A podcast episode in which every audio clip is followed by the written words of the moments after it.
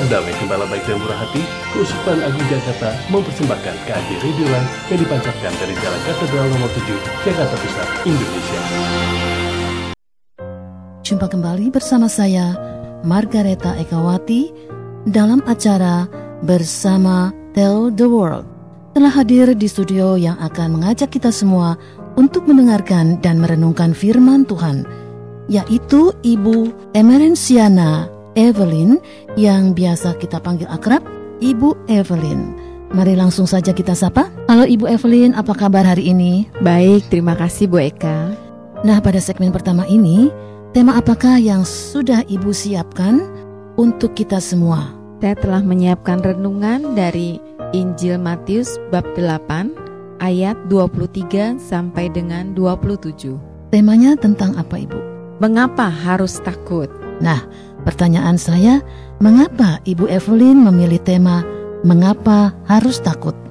Ya, ini flashback Bu Eka, Ya. flashback dari kehidupan saya. Mhm. Dulu saya sudah menjadi anak Tuhan, artinya saya sudah dibaptis sudah sekian lama, Ya. tapi kehidupan saya begitu-gitu saja. Mhm. Karena saya tidak mendalami kitab suci, Ya. saya tidak membacanya setiap hari, Ya. dan setiap minggu ke gereja itu seolah-olah Injil atau bacaan-bacaan itu hanya lewat begitu saja. Hmm, ya. Jadi suatu kali saya mendapatkan suatu musibah, Hmm, ya saya namakan musibah Ya. karena pada waktu itu anak saya masih berumur satu tahun lebih. Ya. Ternyata suami saya dipanggil oleh Tuhan. Jadi terus terang saya seperti murid-murid Yesus yang terkena angin ribut. Ya. Jadi saya takut sekali kan. Hmm, hmm, Bagaimana ini saya untuk mengarungi samudra kehidupan ya. ini Hmm, sendirian dan anak masih kecil? hmm. Apa yang harus saya lakukan? Dan itu betul-betul merupakan suatu musibah buat saya, penuh dengan ketakutan. Baik. Nah, jadi ini merupakan flashback dari kejadian kehidupan saya yang lalu.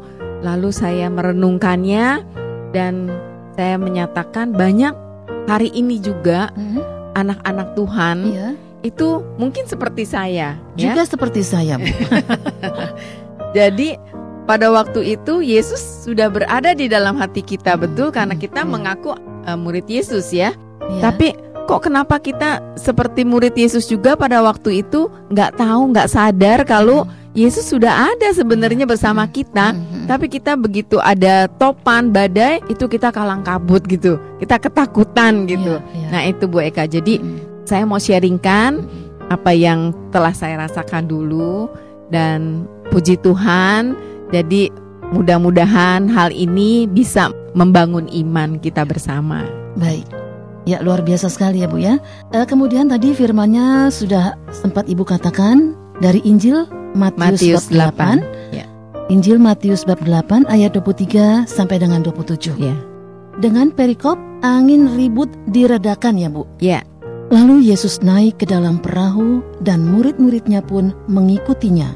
Sekonyong-konyong mengamuklah angin ribut di danau itu. Sehingga perahu itu ditembus gelombang.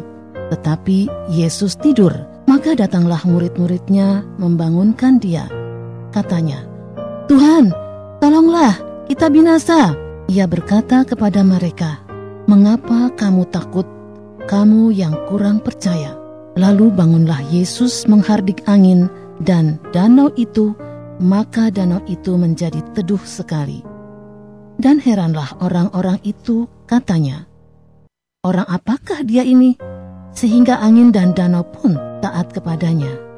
Demikianlah sabda Tuhan. Terpujilah Kristus. Nah Ibu Evelyn dari perikop ini, inspirasi iman apakah yang akan Ibu wartakan kepada kita semua? Saya mulai dengan ayat 26. Mengapa kamu takut, hai kamu yang kurang percaya? Dengan kata-kata ini, Ya. sebenarnya Yesus menegur para muridnya, yaitu menegur kita juga. Betul. ditujukan kepada kita. Yesus juga menegur kita Mm-mm. karena kita mempunyai rasa takut yang begitu hebat terhadap banyak hal. Ya. Ini suatu pelajaran yang bagus sekali.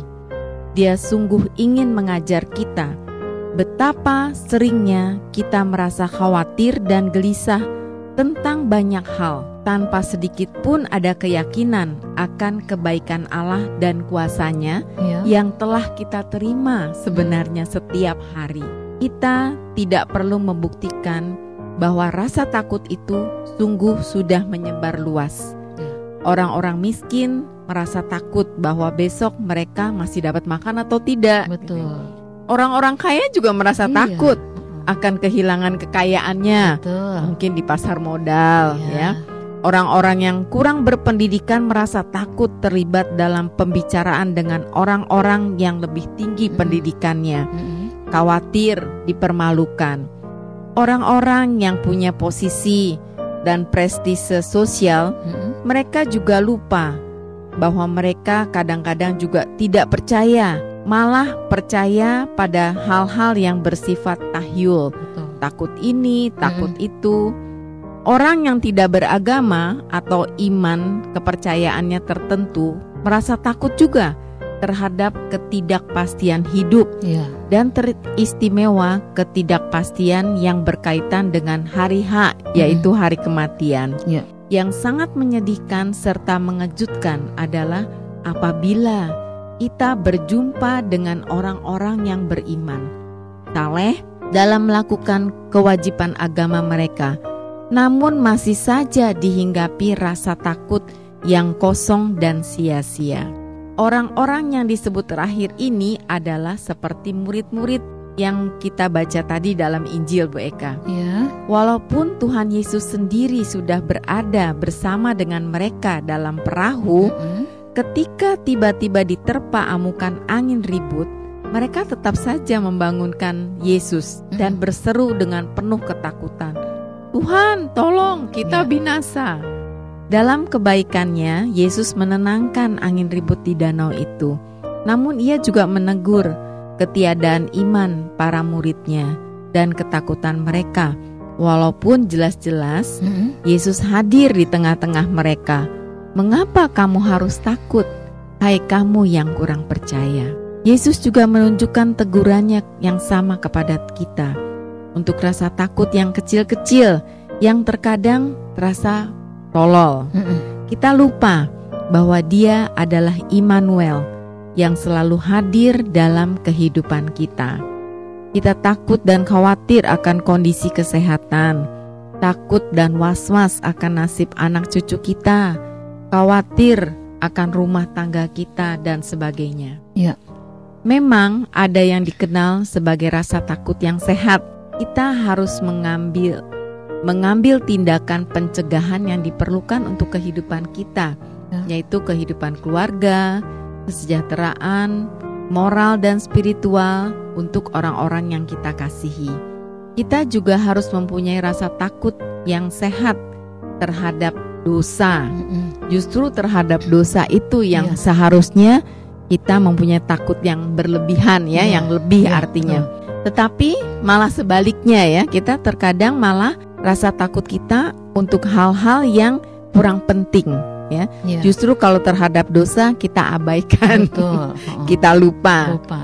Akan tetapi pada kenyataannya ada begitu banyak rasa takut yang tolol yang bisa menghalangi pekerjaan kita, kebahagiaan kita, Ya. atau kehidupan spiritual kita, kehidupan iman. Inilah rasa takut untuk mana Tuhan menegur kita dan meminta kita bahwa Dia senantiasa hadir di tengah-tengah kita. Dia tidak akan tinggal diam apabila kita menghadapi berbagai macam tantangan yang membahayakan eksistensi kita. Mm-mm. Rasul Paulus pada suratnya kepada jemaat di Roma dalam Roma bab 1 ayat 17 mengatakan seperti ini. Sebab di dalamnya nyata benar, nyata kebenaran Allah yang bertolak dari iman dan memimpin kepada iman seperti ada tertulis, orang benar akan hidup oleh iman. Ia menyampaikan sebuah pesan penting agar mereka atau kita itu harus hidup oleh iman. Jadi di sini pengertiannya hidup oleh iman. Itu apa artinya? Karena tanpa iman kita tidak akan hidup.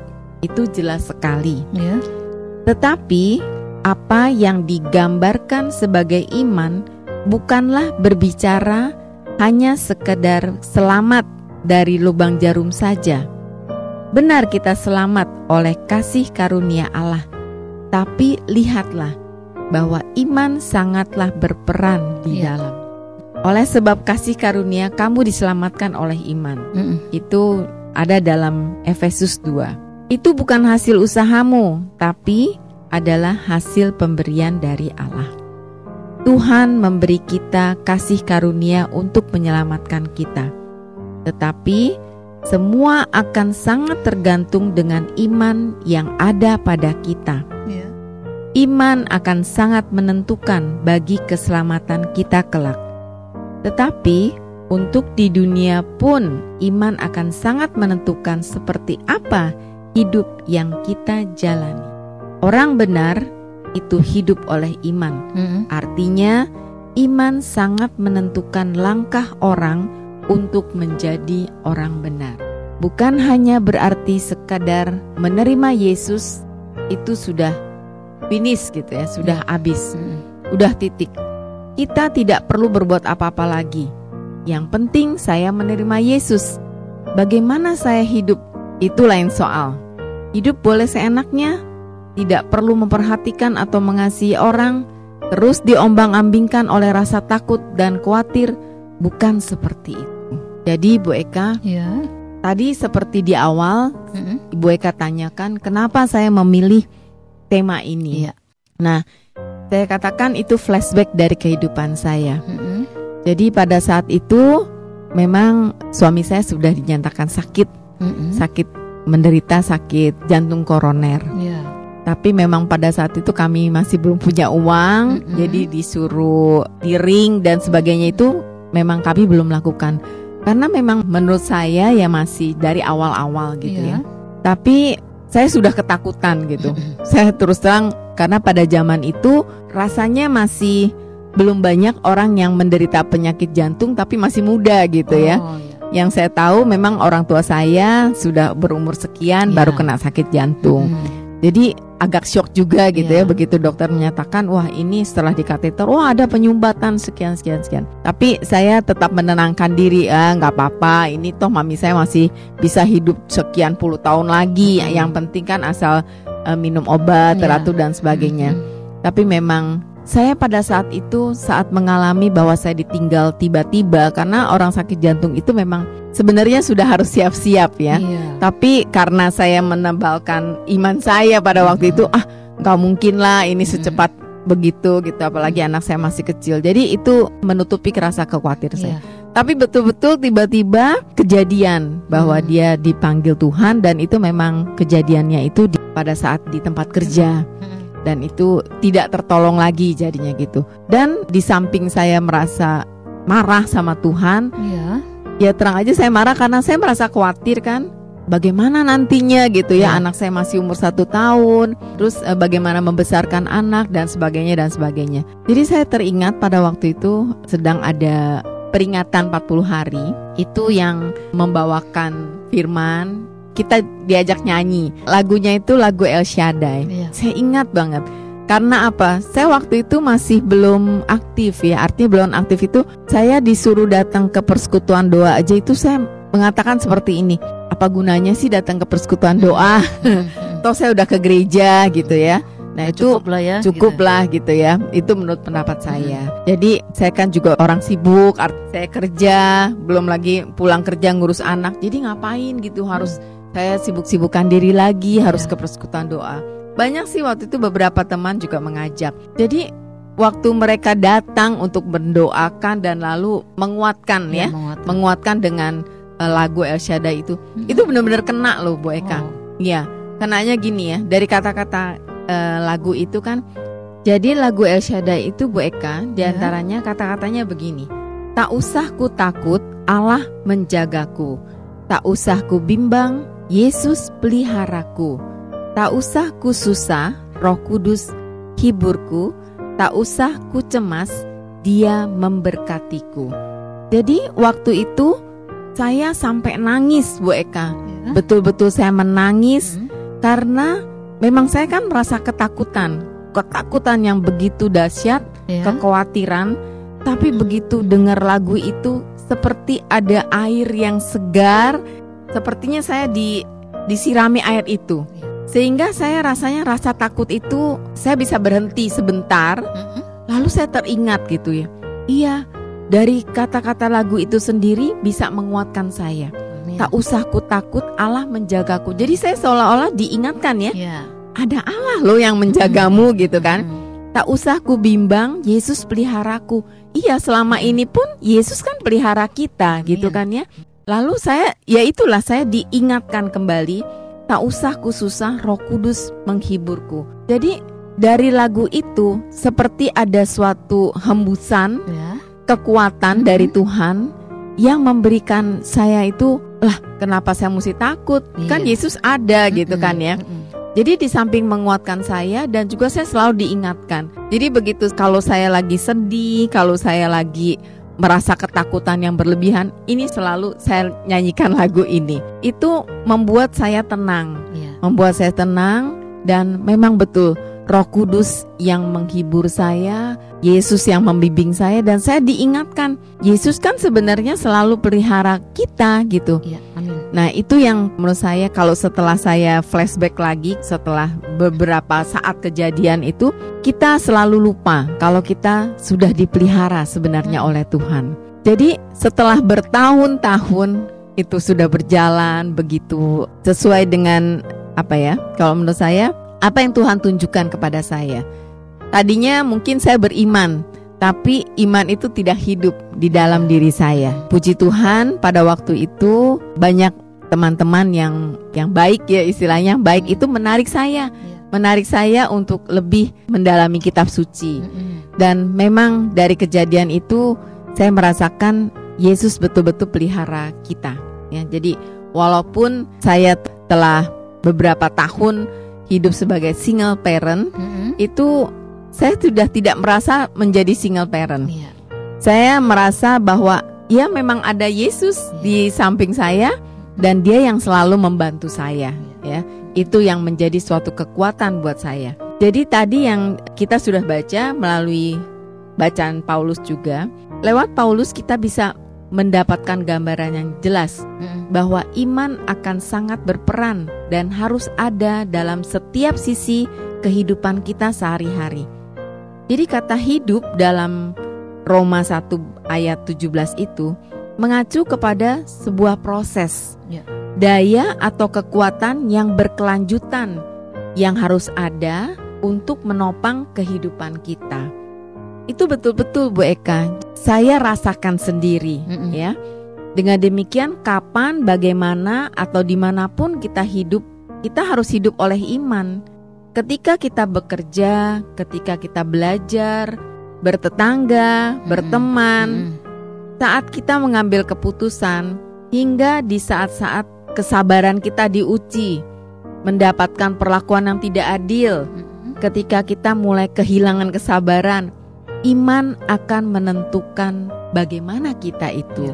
Iman memberi hidup bagi kita. Iman akan sangat penting apakah kita hidup sebagai orang benar atau tidak. Nah, ini kembali lagi. Kembali lagi pengalaman saya pada saat saya bekerja di pekerjaan pun pasti nggak fine-fine aja kan. Iya, kita betul. pasti mengalami aral rintangan dan sebagainya. Itu memang betul apa yang dikatakan oleh Paulus. Iman itu harus bekerja dalam setiap segi kita. Karena kalau tidak dalam saat eh, kita mungkin lagi penuh dengan kebencian dengan orang, kalau kita lupa atau kita tergelincir, itu iman kita bisa hilang begitu saja. Dan kebanyakan orang mungkin lupa karena bukan saya katakan kurang doa, Mm-mm. Ya itulah yang saya kembali karena sejak saat itu saya sering pergi ke persekutuan doa Bu Eka sejak Iya. saya ditinggal itu Hmm. malah saya malah lebih sering ke persekutuan doa. Tuhan. Kalau bisa satu minggu lima hari itu saya pergi ke persekutuan doa karena di situlah merupakan sumber kekuatan Iya, buat betul. Dan Betul. kekuatan yang menopang iman saya. Kalau di persekutuan doa kan kita pasti buka Alkitab ya Betul. lalu merenungkan firman. Jadi memang firman itu benar-benar menjadi rema dalam kehidupan kita. Jadi kalau begitu saya lupa, misalnya saya marah nih sama orang ya, atau marah sama bos gitu ya. Lalu kan kita mau marah nggak bisa ya Bu Eka ya, karena itu kan bos kan ya kalau di pekerjaan. Bagaimana bos kan nggak bisa disalahkan ya. Nah kalau kita tidak punya iman, itu bisa saja saya menyatakan, udah saya berhenti aja deh. Nah kalau saya punya iman, artinya saya masih bilang ya itu dia boleh bos. Tapi kan masih ada bosnya yang lebih yeah, tinggi lagi betul. ya kan? Yang saya takuti sama siapa? Saya harus takut kepada bos yang lebih tinggi yaitu saya takutnya kepada Tuhan bukan kepada dia. Betul. meskipun kepada bos saya itu saya harus ya istilahnya tunduk-tunduk ya begitu ya. Tapi yang lebih takut kita harus kepada Tuhan. Nah di situlah yang dikatakan iman harus ada dalam setiap segi kehidupan kita ambil contoh sederhana juga apakah kita bisa tidur dengan nyenyak dengan rasa aman dengan rasa damai di malam hari atau kerapkah kita gelisah, tidak bisa tidur karena takut yang mendalam yang yeah. selalu menghantui kita? Apakah rasa damai atau sukacita dalam diri kita itu ketika kita berhadapan dengan orang lain, termasuk orang-orang yang sangat sulit atau selalu memancing emosi sekalipun, kita harus membiarkan diri dikuasai emosi. Nah, dalam contoh tidur itu saja, kita bisa melihat bagaimana hasil iman yang bekerja dalam diri orang lewat dari kata-kata Daud. Daud menyatakan dalam Mazmurnya bab 3 ayat 6. Aku membaringkan diri lalu tidur, aku bangun sebab Tuhan menopangku. Seperti itulah iman, bekerja dalam kehidupan sehari-hari kita. Artinya, iman bukan hanya sekedar berbicara mengenai sekedar lolos dari neraka, lalu masuk surga. Tidak, tapi kualitas hidup akan sangat tergantung dari seberapa jauh iman kita bekerja dalam diri kita. Kita tahu Daud kan juga merasa gelisah, khawatir karena dia kan diuber-uber sama Saul ya. Iya. Tapi dia merasa dia bisa tidur dengan tenang, dengan nyaman karena ya dia beriman kan bahwa dia percaya Tuhan melindungi dia gitu. Iya. Nah, seperti itu Bu Eka. Hmm. Jadi dari bacaan tadi kita, Yesus naik ke perahu dan murid-muridnya mengikuti dia. Di sini dapat kita lihat bagaimana perpaduan antara iman dan mengikut Yesus. Bahwa untuk mengikut Yesus tidak cukup hanya kata-kata, namun harus siap menghadapi konsekuensi sebagai pengikut Yesus. Ya. Dapat dikatakan bahwa kisah yang terjadi di perahu yang diombang-ambingkan oleh angin ribut itu adalah praktek langsung dari pengajarannya tentang hal mengikut Yesus dan tentang iman. Yang mau disampaikan kepada kita, jika kita mengikut Yesus, bukan artinya tidak ada lagi penderitaan atau kesusahan. Betul. Namun, ketika kita menghadapi penderitaan, Tuhan Yesus hendak mengajarkan kita bahwa iman adalah kekuatan dan kemampuan kita untuk menghadapinya. Yeah iman berbanding terbalik dengan rasa takut. Rasa takut adalah reaksi yang wajar manakala kita menghadapi pergumulan. Namun, ketakutan akan segera dilenyapkan oleh kekuatan iman kita untuk menyelesaikan masalah. Ya. Nah, di situ kalau kita tidak mendalami, artinya kita hanya dipenuhi oleh biasanya kan pikiran kita kalau penuh rasa takut itu selalu dipenuhi dengan emosi. Betul. Emosi yang memenuhi ketakutan hmm. diri kita, perasaan kita. Tapi kalau kita mundur sedikit, mundur ke belakang, hmm. lalu yaitu kita harus berdiam diri, yeah. Kita mencari Tuhan, hmm. artinya kita berdoa. Kadang-kadang berdoa juga susah ya Bu Eka ya. Betul, Karena kekhawatiran itu terlalu hmm. menguasai diri kita Menguasai hati kita. Jadi banyak orang yang juga justru meninggalkan Yesus Atau bukan meninggalkan Yesus yang dikatakan Dia tidak pergi kepada Yesus. Hmm. Kalau kita berdoa berarti kita pergi kepada Yesus. Jadi dalam hal ketakutan yang harus dilakukan adalah kita ingat Yesus. Jadi kita harus datang kepada dia bukan malah ketakutanlah yang menguasai kita. Tentu ada pesan yang dalam yang hendak disampaikan dari Injil Matius itu, yaitu bagaimana kita dalam menghadapi pergumulan hidup. Yang pertama yang harus kita lakukan yaitu kita berdoa. Yang kedua, bahwa dalam perjalanan hidup kita akan ada saja badai atau pergumulan yang kita hadapi. Namun demikian, kita yakin bahwa jika kita bersama-sama dengan Tuhan, kita akan diberi hikmat, kita akan diberi kekuatan melalui atau menerjang badai kehidupan. Bahwa kehidupan ini ada di dalam kuasa dan kendali Tuhan. Jadi kalau kita hanya berkata saja itu memang gampang. Tapi begitu kita menghadapi kadang-kadang juga goyah ya. Ya. Tapi kalau setiap pagi kita doa dulu, lalu kita sudah dipenuhi dengan firman, itu kembali kita akan diingatkan, Bu Eka. Jadi itu yang saya lakukan Mm-mm. waktu saya mengalami ketakutan itu, Ya. saya merubah kebiasaan, Ya. kebiasaan hidup saya. Mm-mm. Jadi saya merubah kebiasaan hidup setiap pagi yang biasanya cuman ya saya doanya sekedarnya saja, Oh, ya, ya. saja. Mungkin saya bisa menata hidup supaya saya berdoanya lebih. Mm-mm. Jadi saya tambah dengan Mazmur, lalu saya eh, bisa merenung begitu ya.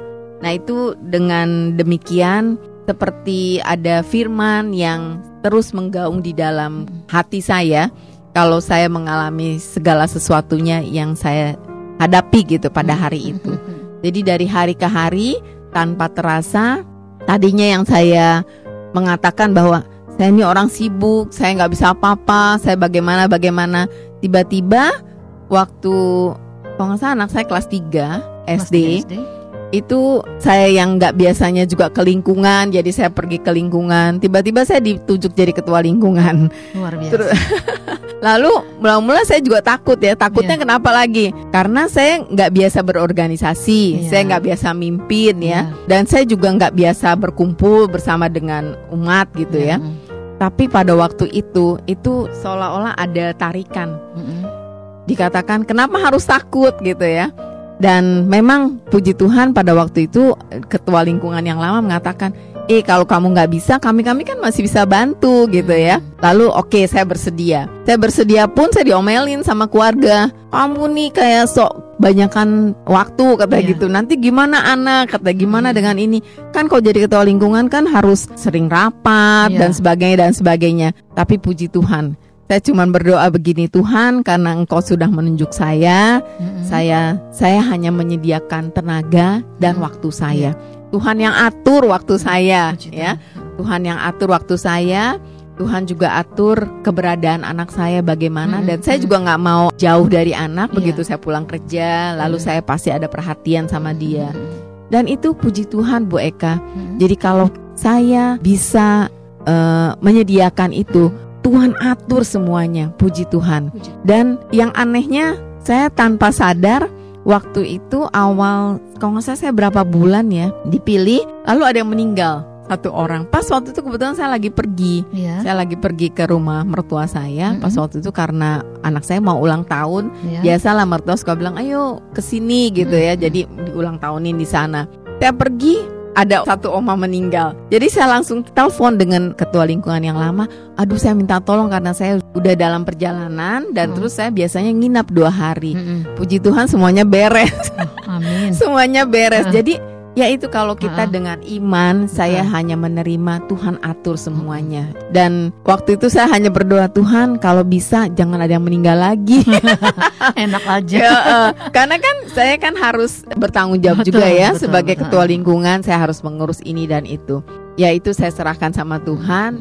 Ya puji Tuhan semuanya fine-fine aja dan saya malah saya lebih rasanya terberkati karena saya dipilih Tuhan, saya Mm. bisa melayani Mm. gitu ya dengan cara apa pun juga. Jadi sebenarnya itu yang saya hadapi atau yang saya terima itu tiap hari itu ada mujizat. Amin. Awalnya saya tidak merasakan itu, Iya. tapi begitulah memang orang harus menarik diri, merenungkan baru kita bisa bersyukur Betul. ya.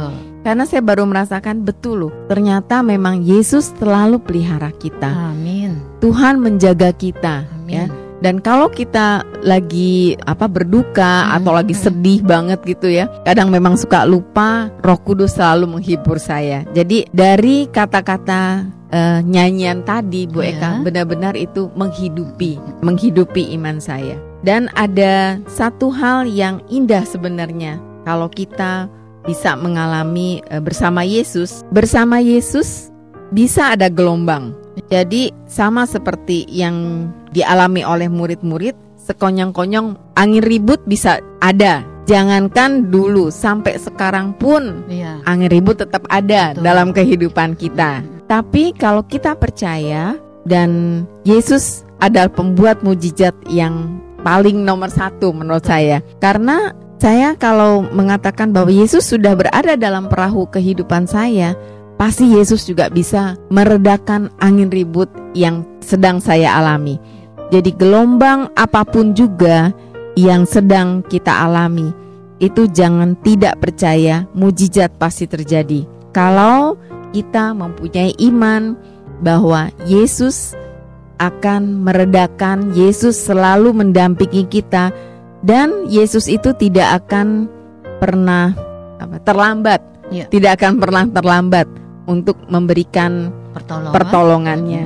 Jadi mujizat itu terjadi terlebih dahulu segala sesuatunya merupakan suatu masalah bagi kita. Jadi eh, masalah bisa menjadi mujizat dalam kehidupan kita. Di sini kita melihat bersama Yesus bisa saja memang kita menghadapi gelombang baik yang kecil maupun besar.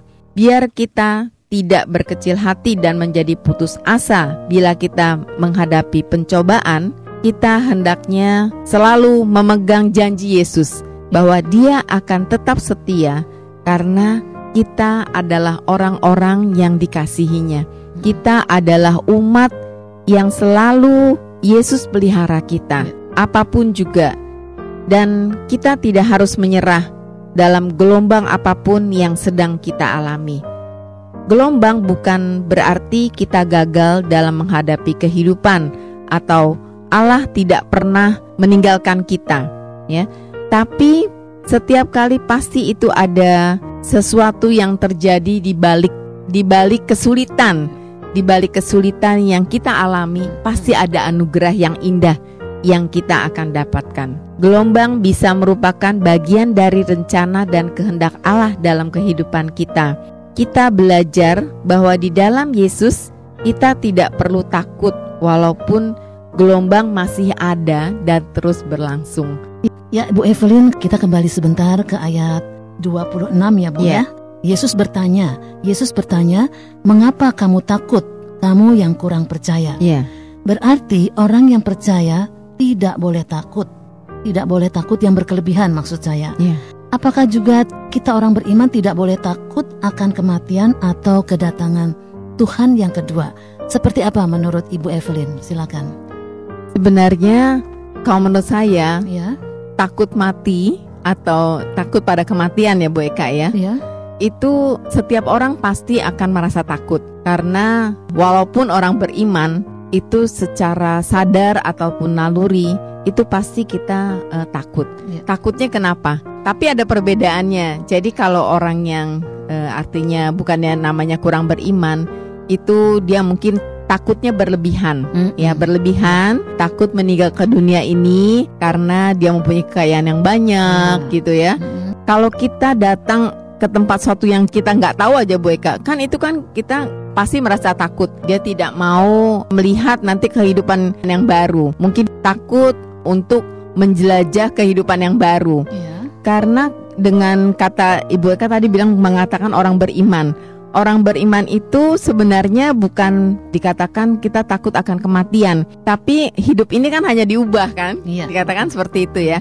Hidup ini hanya diubah, kita yang biasa tinggal di dunia tapi kita ke tempat dunia yang lain. Ke tempat dunia yang lain itulah yang kita juga nggak tahu kan Bu Eka. Mm, Jadi saya rasa bukan orang beriman atau tidak itu pasti akan mengalami ketakutan. Tapi bedanya menurut saya kalau orang beriman itu ketakutannya tidak terlalu berlebihan mm, mm. karena takut itu memang milik semua orang. Iya. Tuhan tidak menginginkan kalau kita tidak takut. Takut itu merupakan bagian dari kehidupan. Iya. Tapi yang Tuhan inginkan kalau orang beriman kita harus percaya akan janji Tuhan, ya kan? Kalau kita percaya bahwa kita akan menerima tempat yang lebih berbahagia, yang lebih aman, damai Mm, mm. bersama dengan Yesus di sana bersama dengan Tuhan, itu pasti ketakutan itu akan lenyap. Ya. Tapi kalau orang apa yang ada di dunia ini saya mau pegangin terus gitu ya. Mm. Ya itulah dia takut meninggalkan dunia ini. Iya. Ya. Mm. Walaupun misalnya ada orang yang sudah menderita sakit lama Ya. ya,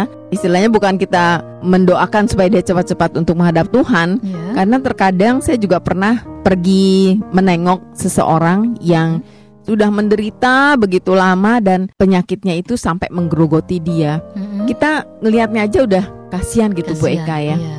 Jadi kalau mendoakan mau mendoakan bagaimana gitu kan ya, mendoakan dia hidup lama lagi, tapi kita nggak tega sebenarnya melihatnya ya. Betul, betul. Jadi saya mendoakannya di rumah aja sesuai dengan kehendakmu lah ya Tuhan yang terbaik kan begitu ya Bu Eka ya. Tapi bagi dia itu susah melepaskan. Kenapa Bu Eka? Jadi ada yang dia belum bisa menyelesaikan perkara yang ada di dunia ini. Jadi bukan perihal kekayaan ya, tapi perkara yang dia belum selesaikan. Seperti- Misalnya anaknya ada yang belum menikah, Iya. ya kan? Mm-mm. Jadi dia mau melihat kebahagiaannya itu Mm-mm. Atau ada juga eh, perkara perasaannya dia yang belum sempat dia ungkapkan kepada anak-anaknya itu. Iya. atau kepada siapalah. Ada luka mungkin Mhm. yang belum diselesaikan. Nah itulah yang membuat dia jadi susah melepaskannya. Iya, nah, nah yang kita katakan juga iman bekerja. Kalau dia mempunyai iman dia pasrahkan. Nah dalam gereja Katolik kita punya sakramen ya Bu Eka ya sakramen pengurapan orang sakit Iya. itu betul-betul merupakan kalau saya mengatakan itu mujizat. Iya. Jadi dengan orang yang menerima sakramen itu, dia bisa mempunyai kepasrahan, Mm. ya, kepasrahan apa pun yang Tuhan inginkan walaupun saya misalnya tidak sembuh lagi, Mm-mm. tapi saya pasrah, Tuhan terserah kehendakmu. Dan sakramen ini pun merupakan sakramen pengampunan dosa. Jadi walaupun mungkin waktu itu dia tidak bisa mengungkapkan. Kadang kan kalau orang udah sakit lama, pikirannya penuh ya Bu Eka ya. Dia juga tidak bisa lagi mengaku dosa. Tapi Tuhan tahu loh. Tuhan tahu dan Tuhan mengerti karena sakramen itu pastor datang itu merupakan Tuhan yang hadir dalam diri orang itu. Jadi hati orang itu dilembutkan, didamaikan ya. Jadi dengan keadaan damai dia bisa loh Bu Eka. Jadi beberapa hari kemudian dia bisa melepaskan semuanya. Aduh, luar biasa betul-betul. Jadi makanya kita harus percaya bahwa sakramen itu adalah anugerah dan betul-betul rahmat yang memberikan kehidupan manusia entah itu dia bukan kehidupan di dunia ini tapi kehidupan di sana pun itu merupakan suatu janji Tuhan yang betul-betul Mm-mm. dapat kita miliki. Wah, puji Tuhan banget. Jadi setiap orang pasti mempunyai rasa ketakutan untuk melepaskan apa yang ada di dunia ini. Tapi kalau kita doakan, kita bantu doa atau dengan iman bahwa kita minta juga dia beriman, Iya. apa pun ya keadaannya, itu pasti Tuhan yang bekerja. Jadi menurut saya dalam hal apa pun juga setiap manusia pasti mempunyai ketakutan untuk eh, menghadapi hari kematian ya. Dan itu juga Tuhan mengizinkan ya kalau kita punya rasa takut ya. Iya. Cuma ketakutan yang berkelebihan itulah yang tidak dikehendaki Tuhan. Iya. Seperti itu. Iya. Ya, sahabat Child the World Hidup Radio Line, setelah kita mendengarkan firman Tuhan dan pengalaman iman yang luar biasa tadi dari Ibu Evelyn, sekarang ada baiknya kita mau mendengarkan kesimpulannya ya Bu Evelyn. Ya, eh, baik Bu Eka, saya eh, bisa menyimpulkan bahwa di dalam kehidupan ini kita setiap kali pasti menghadapi berbagai macam gelombang, Iya. ya. gelombang kecil maupun gelombang yang besar. Tapi kalau kita percaya, yaitu hidup dengan iman, gelombang yang awalnya di mana Tuhan akan bertindak secara ajaib kepada murid-muridnya, seperti yang eh, kita baca tadi, Iya. Sebenarnya kita tidak perlu takut kalau kita percaya bahwa Yesus sudah beserta kita. Lalu kita percaya bila Yesus ada dalam eh, perahu kita, perahu kehidupan kita, itu kita tidak perlu khawatir lagi sebenarnya. Kekhawatiran itu boleh, boleh terjadi. Tapi kita harus ingat lagi bahwa bila kita berjalan bersama Yesus, kita tidak perlu takut karena Allah akan membuat segala sesuatunya indah pada waktunya. Amin. Bersama Yesus juga ada jalan keluar. Ya. Kadang-kadang kalau kita diliputi oleh ketakutan yang berlebihan, itu Hmm. jalan keluar tidak akan kelihatan. Betul. Betul, WK ya? Sepertinya ada ada roh ketakutan di dalamnya. Ya. Betul nggak sih, Ya. Bu? Jadi kita dikuasai oleh roh ketakutan Iya, itu. maksud. ya. Jadi kita makanya kita tidak bisa melihat apakah ada jalan keluar. Iya. Ya. Tapi kalau kita sudah berdoa dan kita pasrahkan, Hmm. itu Yesus yang akan memberikan jalan keluar dan itu yang harus kita imani setiap kali. Jadi angin ribut apa pun, badai apa pun, itu sebenarnya kalau kita percaya tidak akan bisa menenggelamkan iman kita. Nah, Amin. itu yang harus kita percaya. Amin. Karena apa? Tuhan akan memberikan jalan keluar yang terbaik untuk kita. Sebab itu nantikanlah pertolongan Tuhan, mujizat pasti terjadi sampai dengan hari ini. Amin. Masalah bisa terjadi bukan berarti Tuhan tidak peduli dengan kita. Ya. Masalah yang terjadi bukan berarti bahwa Allah tidak lagi punya kuasa untuk membela kita. Mm-mm. Bersama Yesus kita tidak perlu takut karena bersamanya akan selalu ada jalan keluar. Mungkin ada di antara kita yang mengharapkan penghiburan dan jalan keluar pada hari-hari ini. Tuhan pasti memberikan kepastian bagi hidup kita. Jalan keluar bersama Yesus adalah yang terindah. Kita tahu sekarang Tuhan sengaja mengizinkan masalah, persoalan, bahaya, ketakutan menghimpit kehidupan kita agar kita tidak mengandalkan pola pikir kita sendiri, tapi pola pikir Tuhan. Dari sikap kita seperti itulah yang akan membuat kita makin mengenal kehendaknya dan tumbuh dalam kedewasaan rohani. Karena mengenal Tuhan dengan baik dan benar membuat kita mau mengandalkan hidup dalam keadaan apa pun kepadanya. Karena percaya Tuhan pasti memberikan jalan keluar yang terbaik sesuai dengan waktunya, bukan waktu kita. Iya. Iman seperti juga cinta perlu diuji dan pada saat yang sulit Tuhan memberkati kita semua. Amin. Demikianlah kebersamaan kita pada hari ini. Semoga permenungan hari ini selalu menjadi rema bagi kita semua.